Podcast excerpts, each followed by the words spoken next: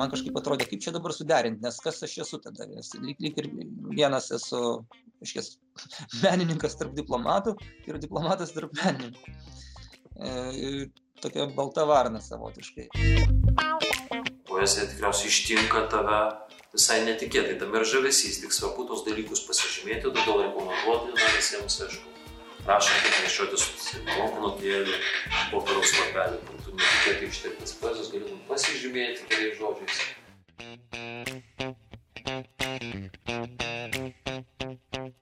Čia Talking Diplomacy ir šis epizodas kiek kitoks. Lapkričio 7-ąją švenčiame Lietuvos diplomato dieną ir šią progą kviečiame susipažinti su nestereotipiniu antruoju diplomatų gyvenimu nuo kūrybos iki sportinių pasiekimų.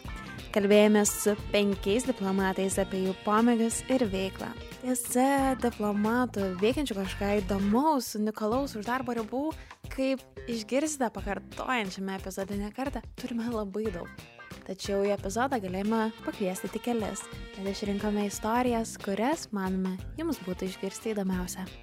Stengiamės kalbinti diplomatus jiems įprastoje darbinėje aplinkoje, todėl galite karts nuo karto girdėti šiek tiek foninių garsų, nes visgi įrašinėjame ministerijoje arba nuotoliniu būdu. Tad nieko nelaukia, nusikelkime į Lietuvos ambasadą Rygoje, Latvijoje. Esu Mindaugas, šiuo metu dirbu Lietuvos ambasadoje Rygoje. Laisvalaikiu daug bėgioju kada turiu laiko, kada turiu noro arba kada turiu išsikėlęs kokį nors tikslą. Ir kada tas buvo tavo metais, jeigu atgal, tai kada buvo tas pirmas toks rimtas pabėgiojimas, pirmas bėgimas? Pirmas bėgimas buvo 2012 metais. Tai dabar jau pastoju bėgioju apie 8 metus. Ir pavadinkim taip, tai yra pakankamai mažas, mažai, nes yra žmonių, kurie bėgioja nuo, nuo mokyklos. Kelios dienos atgal buvo toks pranešimas apie tai, kad vienas 60-metis airis sumušė pasaulio rekordą, nubėgęs maratoną per 2 valandas 30 minučių, kas man yra nepasiekiama svajonė. Bet bėgioji ne tik maratonuose miestų, bet būna tikriausiai, kad ir dalyvauji tokiuose kaip atminties gal kažkokiuose bėgimuose, kur kažkaip skirta konkrečiai datai būna. Ar tiesa? Taip, tai iš tikrųjų bėgame visur, kur tik tai yra įmanoma, dėl to, kad uh, pasiruošimas tai nebūtinai tai yra tai, kad tu ateini, ruošiesi kokiam nors varžybom tikslingai. Tai gali būti ir bėgiojimas savo malonumui, o savo malonumui geriausia yra bėgioti su kompanija. Kur geriausia bėgioti su kompanija, tai yra patys įvairiausi renginiai. Šiuo metu, aišku, po bėgimo populiarumas pastaraisiais metais yra išaugęs labai smarkiai. Atsirado pačių įvairiausių bėgimų. Jeigu seniau buvo tik tai sausio 13 bėgimas, į kurį susirinkdavo keli šimtai žmonių, tai dabar tenai dalyvauja keli tūkstančiai ir, ir, ir tas skaičius auga. Be fizinio lavinimosi, ką dar tokio atrandi savo labiausiai, kas tave džiugina bėgime labiausiai? Ar tai yra kažkokia galbūt meditacija, ar tai yra kažkoks pabėgimas galbūt nuo reikalų, atsipalaidavimas? Bėgimas tai yra kaip meditacijos forma, nes šio laikinio pasaulyje tos 30 ar 50 minučių per dieną gali patapti vienintelis metas, kada tu gali pabūti su savimi be telefono, muzikos, informacinio triukšmo, kuris supa tave. Tai kažkada tai bėgimas padėjo galų gale susitarti su savim, nes nu, tai yra kaip, kaip tikslas, kad tu atsistoji ir nubėgsi šiandien 10 km ar bėgsiu valandą, kiek nubėgsi nesvarbu, svarbu išeiti ir judėti. Ir per tą valandą tu tiek daug visko gali prisigalvot, prirašyti laiškų, knygų, susitarti su savim, savo draugais, žmona, vaikais, šunimis, kuo tik, kuo tik tai nori, nes dėl to, kad tu neturi kur pabėgti. Tu esi čia, dabar ir su savimi. Ar tu, Mindaugai, kažką esi atradęs tokio, ką tu būdamas diplomatu iš diplomatijos būtent atsineši į bėgimą, į pačią šitą sporto šaką? Ar yra tokių dalykų? Galbūt labiau galėčiau sakyti, kad yra ne išbėgimo į diplomatiją, o atvirkščiai. Kažkuria prasme yra labai panašus į mūsų darbą. Dėl to, kad nu, galima gauti kokią nors temą, dirbti 3 ar 5 metus ir tas rezultatas galbūt dar netgi, netgi ir neteis. Tu gali dirbti, dirbti, dirbti ir net nematyti to rezultato. Tai bėgimas irgi yra tas pusę metų ruošiesi maratono, tau maratoną atšaukia paskutinę minutę. Ir pagrindinis vis dėlto dalykas yra toks, kad e, bėgime svarbus ne tik va, tas paskutinis aspektas, kad tu čia ateini, atsistoji prie starto linijos ir viskas, prasidėjo varžybos ir tu atiduodi visą save. Bet tam, kad tu atiduotum visą save varžybose, reikia ilgai ir nuobodžiai dirbti. Tai yra, tu po truputėlį kapstaisi, kaupi tą kapitalą, tai didini savo ištvermę, didini savo greitį, didini, savo aerobinį pajėgumą, taip pat ir diplomatiją. Tu po truputėlį kaupi tą savo patirtį, žinias, kontaktus ir visą kitą. Bėgimas tave išmoko būti kantriam, kad rezultatai ateina ne per dieną ir ne per savaitę, bet tuo pačiu išmoko ir to, kad E, tavo visas nuoširdus, kropštus, ilgalaikis darbas gali būti sugadintas per vieną kvailą sprendimą. Tai yra va, dieną prieš maratoną suvalgyti pizzą su jūros gerybėmis. Ir viskas. Ir pusė metų darbo nueina šuniu ant uodegos. Arba gali atsistoti, būti pasiruošęs nuostabiausiai, pradėti bėgti ir pamiršti po pusvalandžio suvalgyti druskos viskas. Dar po pusvalandžio visas tavo, visas tavo darbas nueina šuniu ant uodegos dėl to, kad padarai pačią mažiausią arba kvailiausią klaidą. Tai išmoko, išmoko to kruopštumo, tasme, kad netgi tada, kada tu įdedi visas savo maksimalias pastangas, reikia nu, nepamiršti ir smulkių dalykų. Tam tikrą prasme visą tai labai gražiai, gražiai susisieja. O ar yra buvę galbūt kažkokių pažinčių ar tų diplomatijos užkulsių, kurios būtent bėgimas jums atvėrė? Visą laiką galima susirasti draugų, kurie bėgioja, arba visiškai netikėtai atrasti, kad kažkas tai, kažkas tai bėgioja. Tai Mes turime ir ambasadorių, kurie, kurie puikiausiai užsiema tą bėgimo diplomatiją. Pačiam teko susipažinti su pakankamai daug kolegų iš kitų ambasadų, kurie bėgioja. Pats keišiausias tai dalykas buvo toks, kad vienam, vienam iš maratonų taip susipažinau su kolega, kuris tuo metu kaip tik turėjau sunkumų, aš jo paklausė, ar viskas gerai, jis pakėlė galvą ir sakė, o aš tave žinau.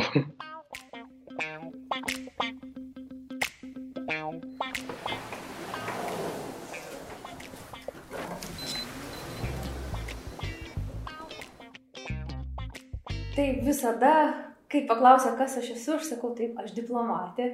Be abejo, tai yra mano pirmasis ampluo ir, ir, ir esu visiškai tikra, kad tai yra pirmasis kelias. Ir kartu manau, kad tai yra tokia unikali profesija, kai tu, jeigu esi tik diplomatas, tai Tai yra problema. Turi daryti dar kažką daug. Sugrįžę atgal į Vilnių, susėdame su būsima ambasadorė Kinijoje Diana Mitskevičinė pakalbėti apie jos pažintą įvairialybę Aziją. Matau savo kolegas, visi ten plačiai į, į visas pusės veikia. Tai manau, aš irgi esu visiškai neišimtis šituo klausimu. A, nuo labai seniai, dabar neturėčiau suskaičiuoti, virš 20 metų aš taip pat dėstau Vilniaus universitete, dėstau tai, ką manau žinau geriausiai, tai būtent Indijos arba Pietų Azijos kultūra, istorija, profesinė karjera kažkaip iš tiesų sukasi taip, kad tos žinios ir pildosi būtent tą temą, nes tikrai yra galimybių tobulintis, bendrauti, mokytis, ne tik kalbų, bet sakyčiau to tokio vertimo, vertimo iš kultūros. Mano toks iš tiesų hobis, kuris labai yra arti diplomato profesijos ir pašaukimo yra versti iš kultūros. Ir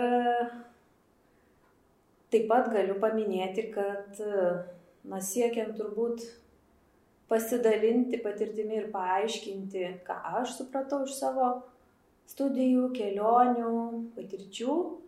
Taip atsitiko ir su ta mano knyga, kuri yra vienintelė mano knyga, tai aš iš tikrųjų laikausi labai griežto principo, kai gali nerašyti, tai ir nerašyk. Bet taip iš tikrųjų buvo, kad atėjo metas, kai supratau, kad nebegaliu nerašyti ir, ir sėdau. Ir, ir ta knyga išvydo gyvenimą. Ji vadinasi Visos mano Indijos, tai dabar man labai naivus tas pavadinimas, todėl kad tų Indijų paskui buvo dar tiek daug, kad jeigu reiktų rašyti antrą knygą arba tesinį, tai nežinau, ką reiktų su pavadinimu daryti. Gal galite plačiau papasakot, ką reiškia tas vertimas iš kultūros ir kaip vyko tas būtent knygos rašymo procesas ir kodėl būtent knyga?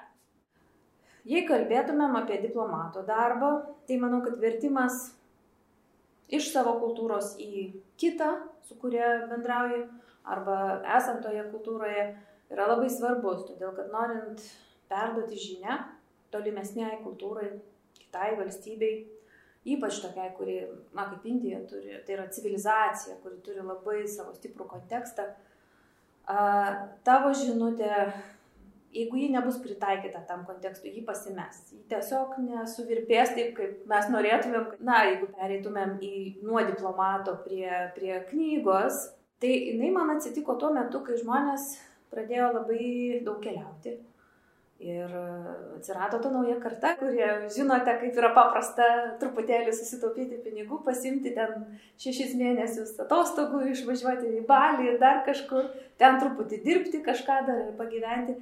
Tai, tai čia yra mūsų šiandienos turbūt pasaulio gyvenimo privilegija.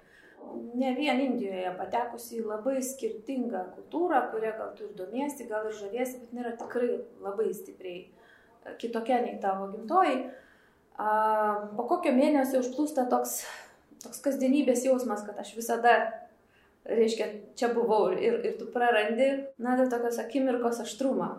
Tu, tu priimi jau visus dalykus, tu žinai, tu jau patyrė ir ne. Ir aš kažkurio momentu vis dėlto nusprendžiau, ne, labai unikalios akimirkos, aš turiu jas kažkaip užsirašyti. Tai va, ir aš užsirašinėjau, aš turėjau tokį dienoraštį, visiškai netokį, žinote, ten širdžiai išlieti, bet daugiau tokį faktų stebėjimo. E, va, ir aš jį rašiau visiškai savo ir dar viena draugė pas mane buvo atvažiavusi, jinai vis juokavo, čia tavo busimai knygai, aš sakau, eiktų, aš visiškai neturiu tokių planų. Ir tie dienoraščiai nugulė kažkur į stalčius.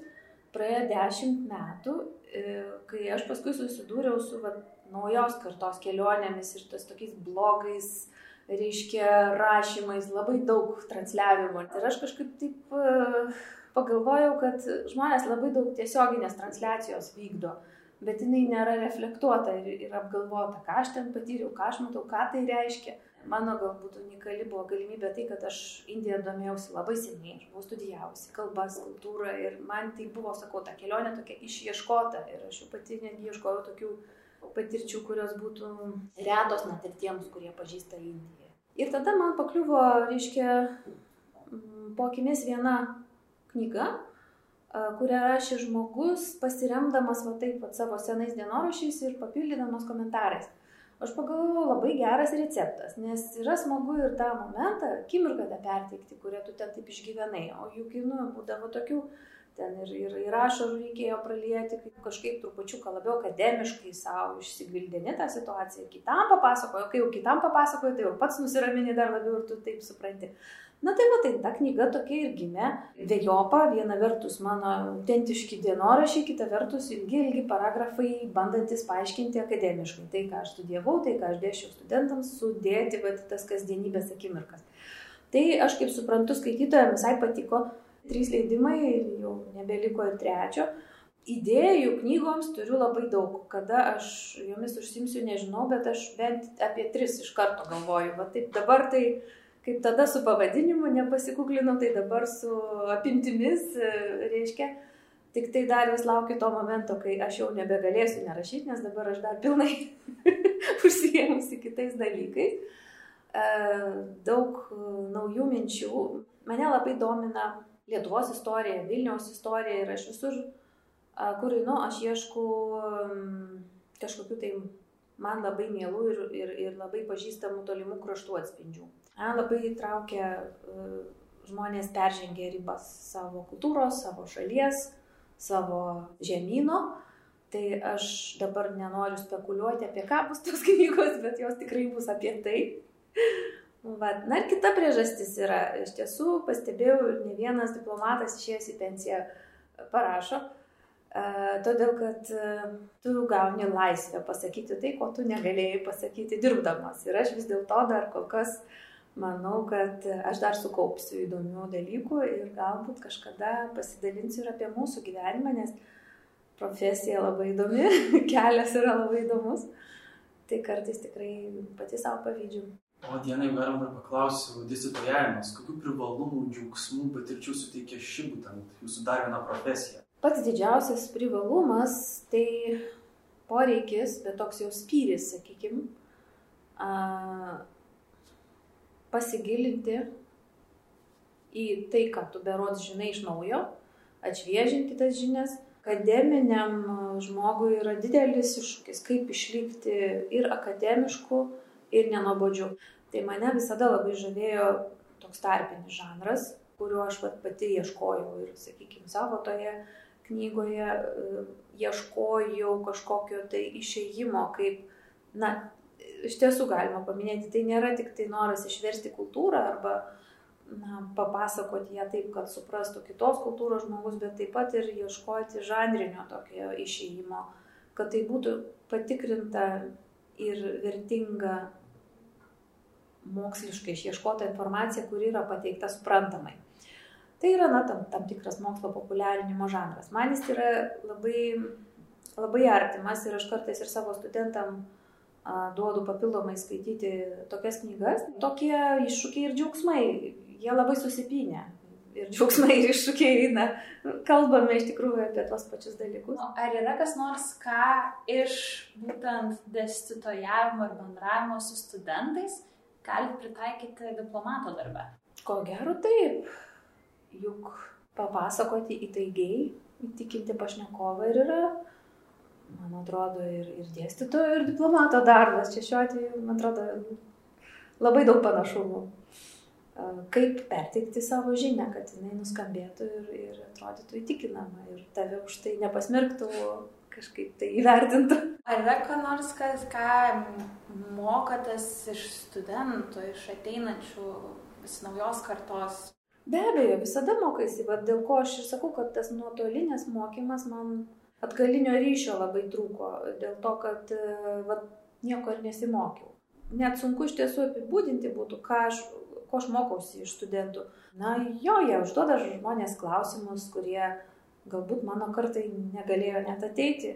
Aš, pavyzdžiui, atsimenu iš savo dėstytojo vieną tokią, reiškia, repliką, kai jisai, kalbėdamas apie budizmo istoriją, mums taip numetė, cainiai, vad, na, žinote, apie būdos relikvijas ėjo kalba, vad, sako, taip, ten ta būdos danties e, šventikla, busite Šrilankoje, aplankykit. Nu, reikėjo pamatyti, kaip mes juokėmės, nes 92-aisiais replika, būsite Šrilankoje, užėjkite, skambėjo, nu, kaip visiškas kosmosas. Visiems mums atrodė, kad, na, nebūsim mes niekada to Šrilankoje, taigi čia yra tik tai mandagumas. Tai va, tai, tai aš vis tik tai dar vis reflektuoju tą galimybių, reiškia, išsiplėtosių galimybių dalyką. Kalbos žinojimas, tos kultūros, kurią tu sieki pažinti, nori giliau išnaudoti, kiek yra svarbus kalbos žinojimas būtent? Mm, jis labai svarbus kalba niekada neina atskirai. Viena vertus klasikinės kalbos yra, yra, man atrodo, kiekvienai civilizacijai labai svarbios. Tai dėl ko e, net ir tiem, kurie nesidomė Aziją ar kitais kontinentais, bet uh, domisi uh, Europos istorija, na tikrai nu, labai labai sveika latynų pasimokyti ar pasenovės graikų, kad ir suprastum, iš kur mūsų visi uh, terminai atėję ir netgi kažkokia tai mąstymo struktūra tame. Indijai labai aktualu yra klasikinių kalbų šiauriniai, o iš esmės visai Indijai yra svarbu uh, turėti sanskrito pagrindus. Um, pietuose vėlgi ten yra dar ir, ir senoji tamilų kalba, kuri yra labai, labai skiriasi nuo šiandieninės, bet ją taip pat norint studijuoti reikia žinoti apskritai su, su Azija toks dalykas, kad ir, ir, ir su šiandieninė Azija dirbant akcentai ir, ir jų įvairovė yra tokie stiprus, kad kartais man tikrai man yra tekę gelbėti ne, ne vieną kartą oficialią vertėją Lietuvoje, kuri negalėjo suprasti japonų ar, ar kinų ir tiesiog kapituliavo prie, prie dėrybų stalo, nes na, nesuprato, kas yra kalbama. visi juokauja, bet tai yra toks pusiau juokas, kad Indijoje tai yra Hinglish, Kinijoje yra Chinglish, Korejoje yra Kinglish ir taip toliau. Tai aš labai gerai susipažinu su Hinglish, nes tai yra iš tikrųjų ne e, indiškas anglų kalbos akcentas, bet tikrai toks hybridas naujas kalbos, kur pusė žodžių, a, gal ir daugiau kaip pusė yra angliški, bet jie įsukti į tokią va, hindi kalbos struktūrą, kad be jos bent jau bazės supratimo ne, nesuprasi. Man atrodo, žmonės visur labai labai sveikina tavo, kad ir labai negrabų ir nevykusi norą kažką pasakyti, bet tai tikrai atveria ir duris, ir širdis, ir, ir, ir tikrai tavo gyvenimą padaro daug įdomesnį. Na tai aš esu Mindaugas Gabrienas, diplomatas visų pirma, šiuo metu dirbantis Lietuvos nuolatinės atstovybės prie UNESCO Su Mindaugu kalbėjomės nuotoliniu būdu, taip nusikeldami į Paryžių. Prieš tai dirbau visai nesenai Lietuvos ambasadui Baltarusijoje ir um, tik prasidėjus visiems tiems įvykiams Baltarusijoje baigėsi mano ta kadencija e, rūpjūčio pabaigoje ir pervažiavau aš į UNESCO dirbti globalios kultūros švietimo ir mokslo srityje. Taip be to dar aš esu ir fotografuojantis šiek tiek. Na ir šiaip tiesiog žmogus.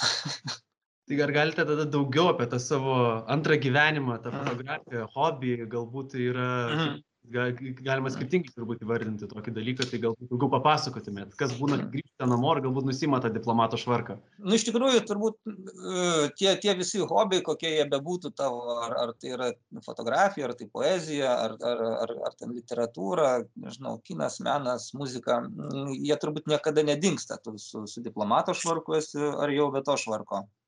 Mano atveju tiesiog tas fotografinis matymas, kuris turbūt yra įgimtas, jisai niekada niekur nedingsta ir ir net ir ten kažkokių nežinau darbinių susitikimų posėdžių metu darbinių komandiruočių metu visa tai yra šalia tavęs ir ir nepasakyčiau kad tai trukdo bet tai tiesiog šiek tiek e, praplečia akiratį ir padeda šiek tiek iš kitos pusės pažiūrėti situaciją, kadangi tu vertini viską ne tik iš dalykinės tos perspektyvos, bet ir, žodžiu, iš tokios bendražmogiškos perspektyvos, tada bet kokia situacija.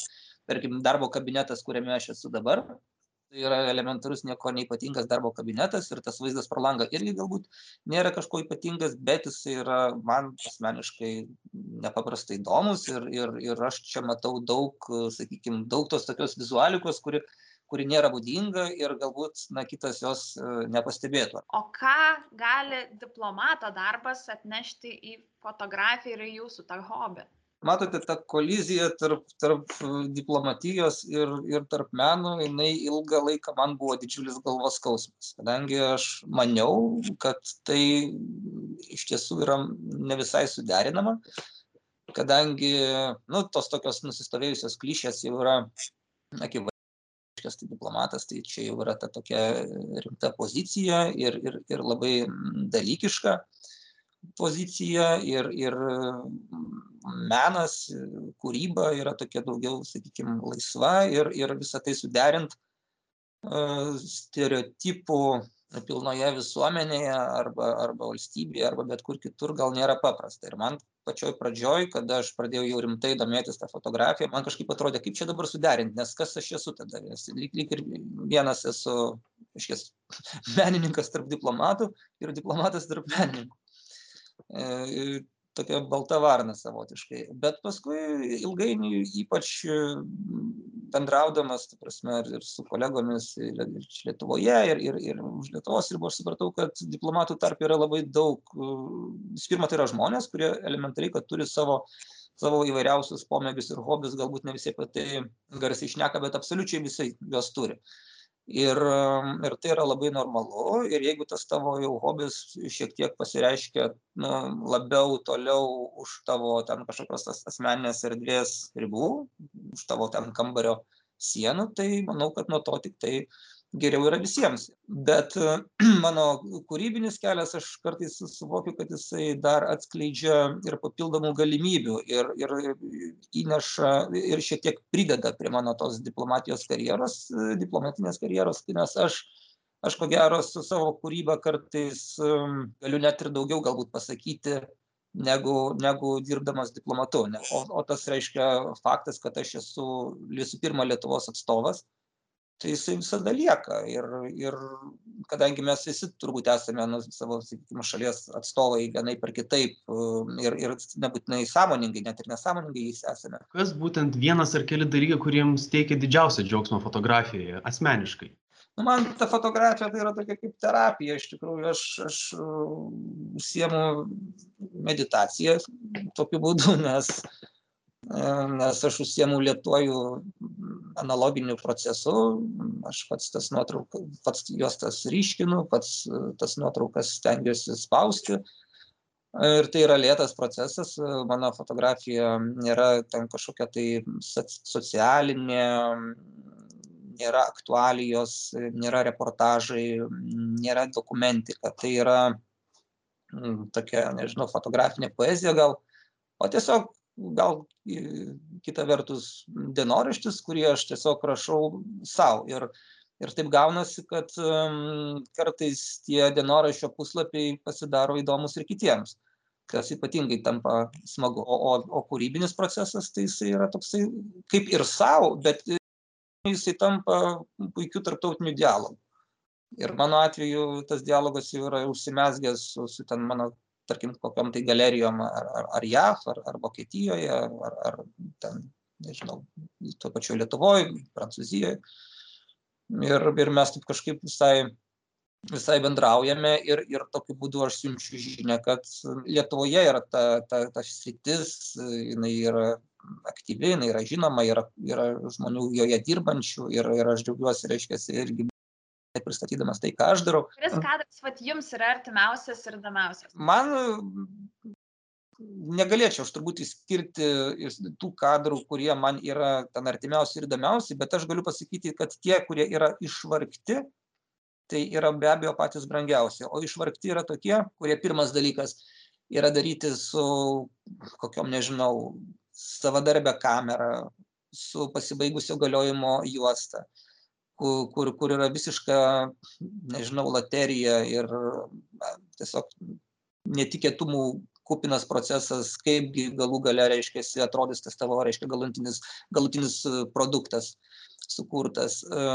Taip pat tie kadrai, aš, aš dažnai taip darau, aš tiesiog randu kažkokią tai vietą, teritoriją mieste ar gamtoje, kuri man tinka, atrodo įdomi ir panašiai. Ir mano, tarkim, fotografijoje man labai yra svarbi žmogiškoji dimencija, ta prasme, žmogaus buvimas vienaip ar kitaip jisai visą laiką egzistuoja. Ir siluetas, bet kuriuo atveju man yra labai svarbus, kaip, kaip reiškia, žmogiškosios būties įrodymas tame siužete.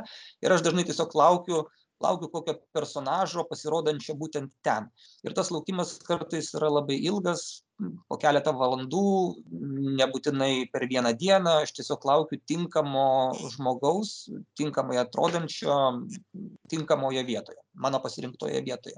Aš jo visą laiką sulaukiu, tai tie, sakyčiau, kadrai man yra, jie galbūt žiūrovas nelabai suvoks, kad tai yra būtent tas kadras, arba jisai galbūt nėra kažko labai ypatingas, bet man, kada žinau, kaip jis yra padarytas, tie turbūt kadrai man atrodo labiausiai, labiausiai tokie mėly ir, ir svarbus.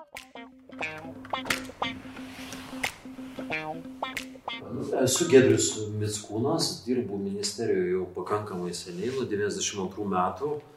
Dabar dirbu saugumo politikos srityje. Su Gedriumi kalbėjomės apie tai, ką reiškia, kai tave ištinka įkvėpimas. Kuruoju santykius su Amerika, darbas įdomus, pilnas iššūkių. Tai esu dirbęs ir užsienyje, esu dirbęs Londone, Paryžiuje, esu mokęsis Anglijoje. Gal galite papasakoti apie tą savo tokį įdomų antrąjį gyvenimą? Ką veikėt, kai užsidaro ministerijos duris, kai pasikabina diplomato švarkas spintoje, kuo užsimat ir ko norėtumėt pasidalinti? Nu, visų pirma, tai atrodytų, kad nieko tokio ypatingo ir neveikiu, nes tas gyvenimas, vat, tu nubundi, pusryčiauji, ateini į darbą, padirbi, grįžti, bendrauji su vaikais, tu ten skaitai kažkokią knygą ar žiūri televizorių ir, ir, ir eini mėgoti. Bet viskas daugiau vyksta minčių lygmenį. Ir iš tikrųjų e, darbas, kurį mes dirbame, jis toks ir gali būti ir įdomus, gali būti alinantis, didžiausia pridėtinė vertė, aišku, kad per tiek metų šitiek yra susiformavo tiek, tiek puikių santykių su žmonės dirbančiais šioje srityje, bet e, kiekviename žmoguje glūdina kažkokie vis tiek alternatyvaus gyvenimo, reiškia kažkokios tai apraiškos. Viskas susivedė į rašymą.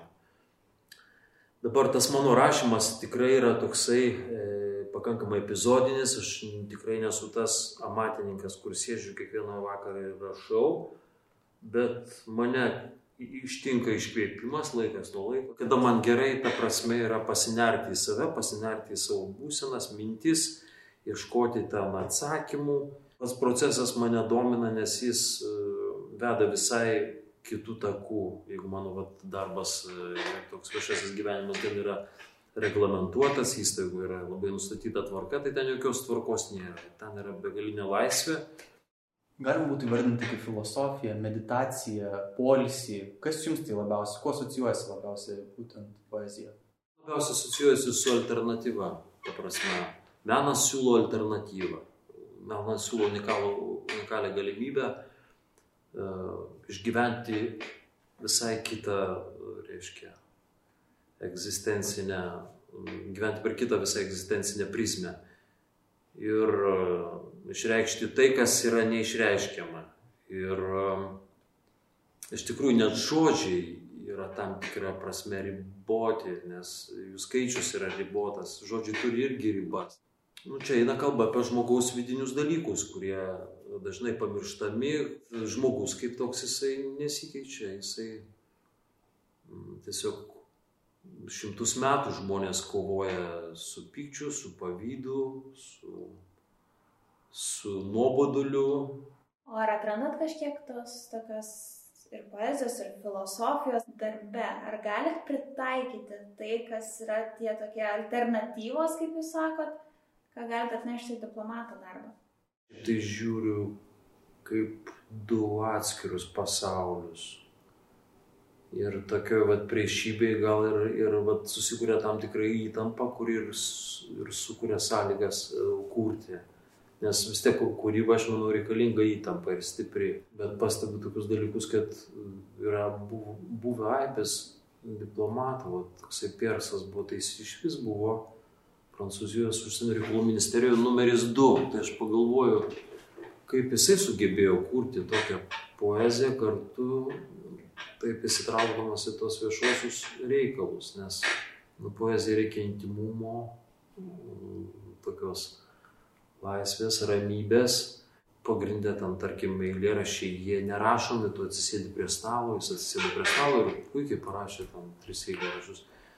Tu tuos dalykus gvildeni savo galvoje, eidamas į darbą, laisvų nuo darbų metu kažkokie tai vyksta dalykai ir, ir tu prie jų sugrįžti. Tai čia yra, man atrodo, labai svarbu žinoti, kad poezija ištinka tave visai netikėtai, tam ir žavesys, tik svarbu tos dalykus pasižymėti, todėl rekomenduotina visiems, aišku, rašant, kad nešiotis banknotėlį, popieriaus lapelį, kur tu netikėtai išteiktas poezijos galėtum pasižymėti keliais žodžiais vieną ar kitą dalyką. Labai įdomu, kad pasakėt, va taip, yra momentas, kuomet ištinka poezija.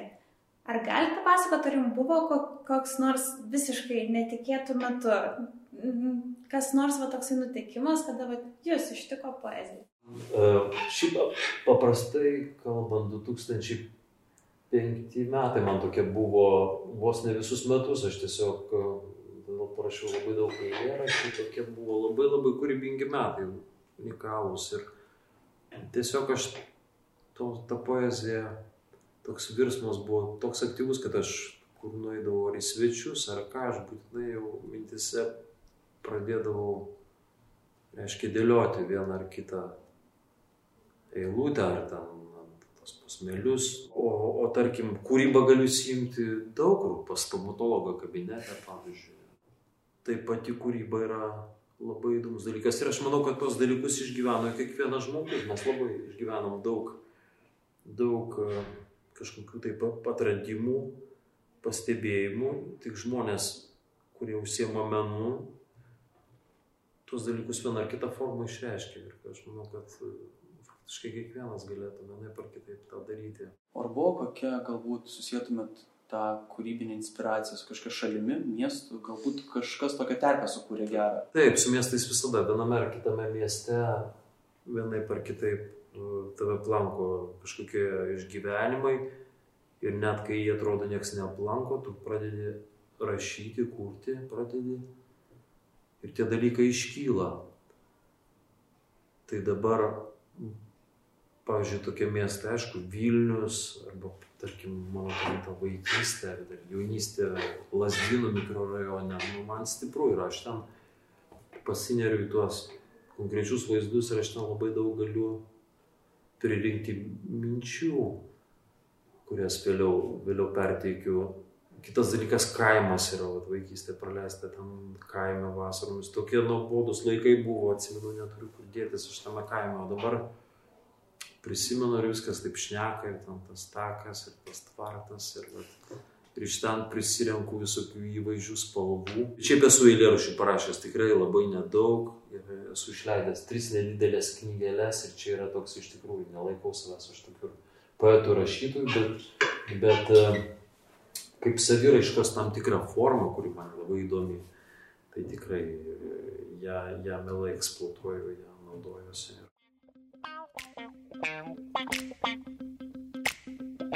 Aš esu Linijana Jaroslavska, užsienio reikalų ministerijoje dirbu jau 20 metų.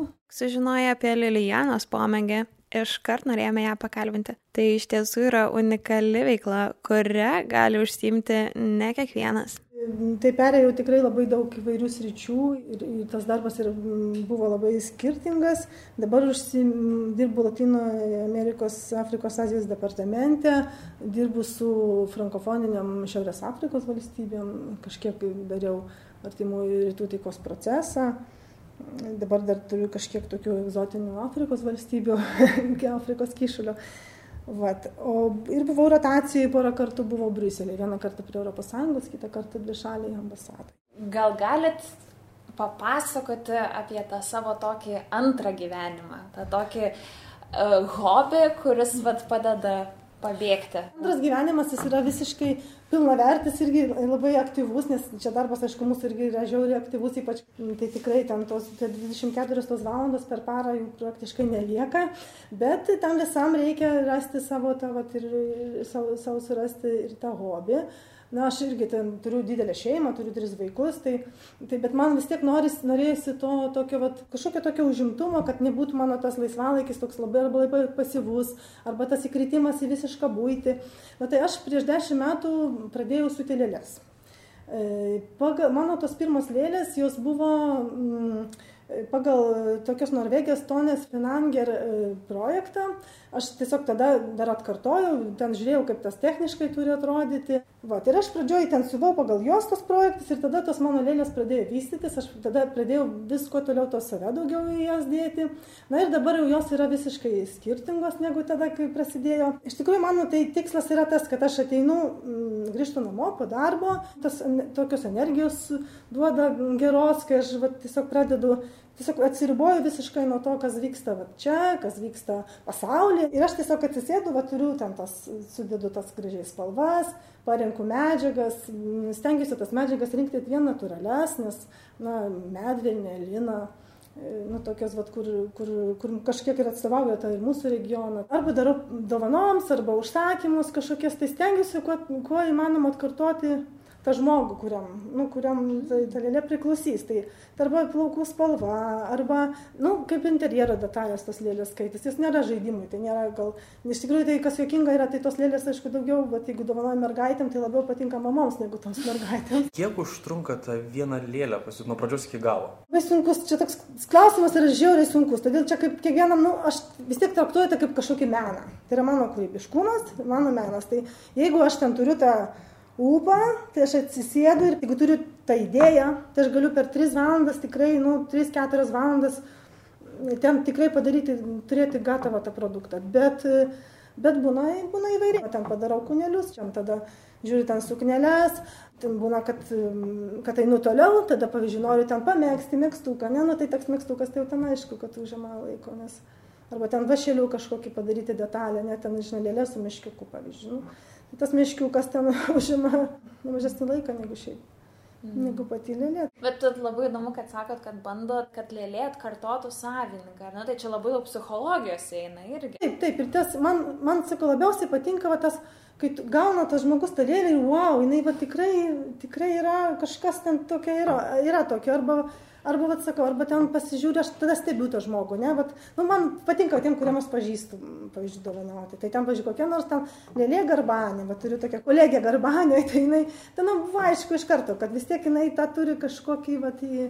ir tą, sakau, va, apsirengimo stilių gali kažkiek atkartoti, tai švarkelė, pavyzdžiui, nu, ar, ar ta, tokį, va, kai yra tokių, žinoma, pažįstamų ten kokias, tokias suknelės kažkokias ten mėgsta, nu, tai, tai tą iš principo galima padaryti tik miniatūriniam formate. O jums tą žmogų reikia pažinti, pamatyti nuotrauką ar gyvai pamatyti? Už, ne, užtenka nuotraukas. Yra tokių atvejų, esu, esu turėjusi tokių atvejų. Briuselė, pavyzdžiui, kai gyvenau, tai, tai ten kelios atstovybės tiesiog užsakinėjo ten, ten išleistuvėms, kolegų, kolegas išvažiuodavo iš, nu, iš atstovybės, grįždavo, pavyzdžiui, savo valstybę. Nu, tai atsiųsdavo man nuotrauką, arba ten kažką nupasakodavo, sakydavo, ten, nu, va, reikia ten tokios, va, vyresnės ponios, nu, vat, ir, ir buhalteris, pavyzdžiui, nu, tai ten kaip tu tą buhalterę su tokiu vat, plaščiuku gali ten kažkaip ją. Ir taip gaudavo ir sakydavo, nu tikrai, nu, vat, gauni ir mūsų, va, tikrai mūsų tą ponę, nu, tai labai, tas labai, man iš tikrųjų tas suteikia tiek tos geros energijos, kai aš vat, gaunu, nu, mūsų vis tiek tas mūsų darbas jis yra apie procesą. Nu, aš tas tezas ten rašai, kažką ten stebi tą informaciją, Nu, ir, o tu čia gauni, čia, čia per tas 3-4 valandas gali jau turėti va, tą tokį visiškai rezultatą, kuris, nu, tai su mane taip taip pamotivuoja ir pa, ir kažkaip vis tiek tokio, gal pasitikėjimo netgi savim tokio duoda, kur, kur, kad tu kažką dar moki, nu, vat, kažką kitko, negu, negu tai, ką tu darai iš čia. Tai. Ir kokių tada sąsajų atrastumėte ar jau atradote su būtent diplomato darbu, diplomatė, Lilių suvime? Nu, tai tik tai tiek, kad tai nu aš dabar irgi galvoju mm, iš tikrųjų apie tą sąsąją, tai vien, iš vienos pusės tai man ir gal ir gerai, kad aš gal visiškai atsiriboju, nes čia visiškai vat, smegenų išvalymas yra nuo to, vat, ką mes čia darom, tai yra visiškai skirtingi pasauliai. Bet pavyzdžiui, nu, vat, e, tikrai ne, ne kartą vat, man pavyko pritaikyti ir, ir panaud, pasinaudoti to vat, savo tą savo, to savo tokiu sugebėjimu. Aš, pavyzdžiui, e, kai gyvenau Briuselėje, bendravau su tokia asociacija FAM d'Europe, tai yra sutoktinių, e, diplomatų sutoktinės, ir jos organizuodavo tas muges. Ten tiesiog mano lėlės pardavinėdavo kaip pat mūsų, nu, mūsų lietuviškam stendė. Nu, nes dėl to, kad pas mus vis tiek ta rankdarbių, ta kultūra yra jinai pakankamai išvystyta, skirtingai negu vakarų Europai, kur ten, ten aišku, tas yra labai vertinama, tikrai bet yra žymiai mažiau tų žmonių, kurie vat, tom, tais rankdarbiais užsiema. Tai mano pavyzdžiulėlės tos irgi jos yra tikrai visuose kontinentuose, tai esu tikra. Toliausiai, kur man čia va dabar toks eksotiškiausia tokia vieta, tai buvo, pavyzdžiui, Indonezija, kur vienas irgi važiavo mūsų, mūsų kolegos, tiesiog pirko iš manęs ten keletą tų lėlių, kad, kad būtent lietuviškam stendė pristatytų va tą kažkokį mūsų mūsų tą darbą. O kiek lėlių namuose turit ir kiek išvažiavę yra? Praktiškai visos išvažiavusios, turiu tik dvi. Mm. Nu, kalėdoms būna ten, kad tas didesnis tada noras kažkokiu ten tų dovanų, tai, tai kalėdoms būna daugiau padarau, bet, bet šiaip tai... Šiaip tai, nu, čia toksai yra, sakau, čia yra, čia yra mano, va, tiesiog nuotaikos, kada, va, aš noriu atsisėdu, tada man tada atrodo, kad aparatam turi tam tas, nežinau, 28 valandas kaip minimum, nes, nes kažkaip atsiranda ir to laiko, va, tiesiog tiesiog ant tiek tave už įtraukia, ant tiek tave, tiek tave prikrauna tą teigiamą energiją ir tų emocijų tokių gerų suteikia. Tai tiesiog tada atsiranda ir to laiko, ir norų.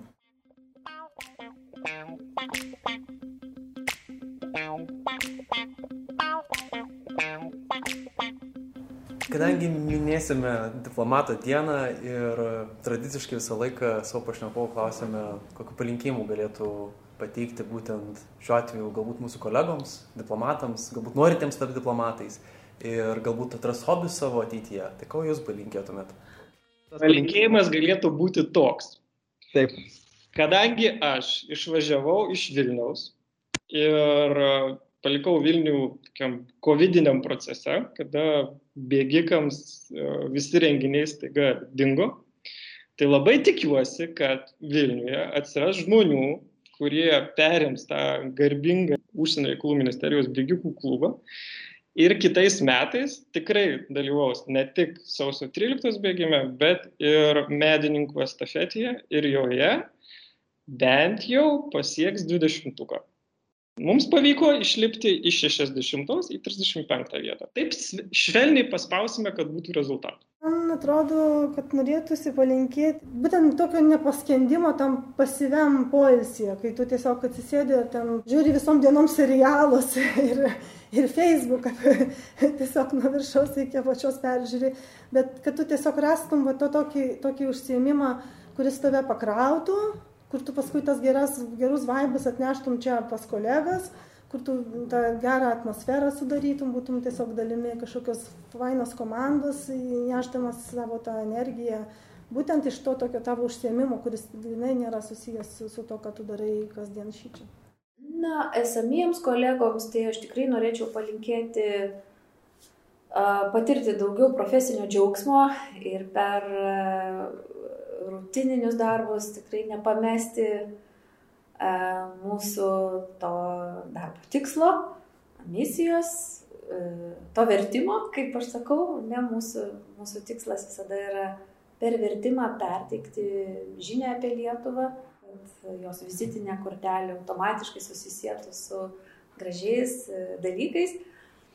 O jauniems ir ateinantiems į diplomatiją žmonėms.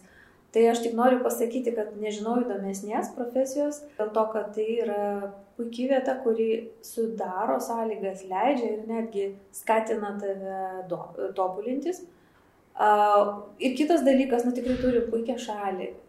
Kartais labai reikia atsitraukti šiek tiek ir pasižiūrėti kitus, suvokti, kiek mes daug turim ir kiek mes tikrai galim daug ir gero ir gražaus pasaulio apie save papasakoti. Taip, pirmiausia, ir norėčiau palinkėti jiems kūrybos visame kame ir kuriant meno kūrinius ir svarbiausia kasdienybėje ir kasdienybėje viską irgi galima atrasti. Ir iššūkius, ir pareigas, o kartu ir poeziją. Viskas priklauso nuo mūsų pačių požiūrių. O tiems jauniems žmonėms, kurie, kurie ateina į diplomatinę tarnybą, aš norėčiau tiesiog palinkėti suvokti, kad diplomatinė tarnyba tai nėra ta tokia, reiškia, biurokratinė tvirtovė siaurąją prasme ir kad čia atėjus reikia užsivilkti kostiumą, pamiršti save ir bandyti pataikyti kažkokias kažkieno nustatytas vėžes. Aš manau, kad diplomatija apskritai tai yra improvizacijų menas, kaip ir tikras menas arba tikra, tikroji kūryba. Mes labai daug turime improvizuoti ir tie jaunieji kolegos, kurie ateina su savo kažkokiu bagažu, su, su, savo, savo idėjomis, su savo pomėgiais, su savo talentais, aš tikrai linkiu, kad jie jų neatsisakytų, neprarastų. Nes diplomatinė tarnyba, aš manau, tikrai yra tas rytis, kur tie talentai gali vystytis toliau ir kuo daugiau tų pomėgių įvairiausių už tavo tiesioginio darbo ribų žmogus turi, tuo aš manau įdomiau ir kokybiškiau jisai atlieka savo tą tiesioginį darbą.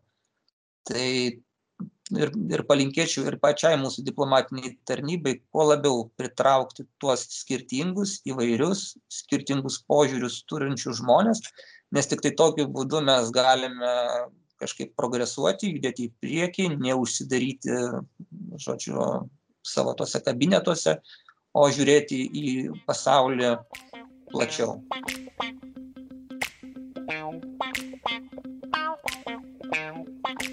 Čia buvo Talking Diplomacy. Ačiū, kad klausėte. Jeigu norite nepraleisti būsimų mūsų tinkladės epizodų, nepamirškite sekti užsienio reikalų ministerijos visose socialiniuose tinkluose bei prenumeruoti mūsų tinklalaidą Spotify platformoje arba bet kur, kur klausotės podcastų. Iki kitų kartų.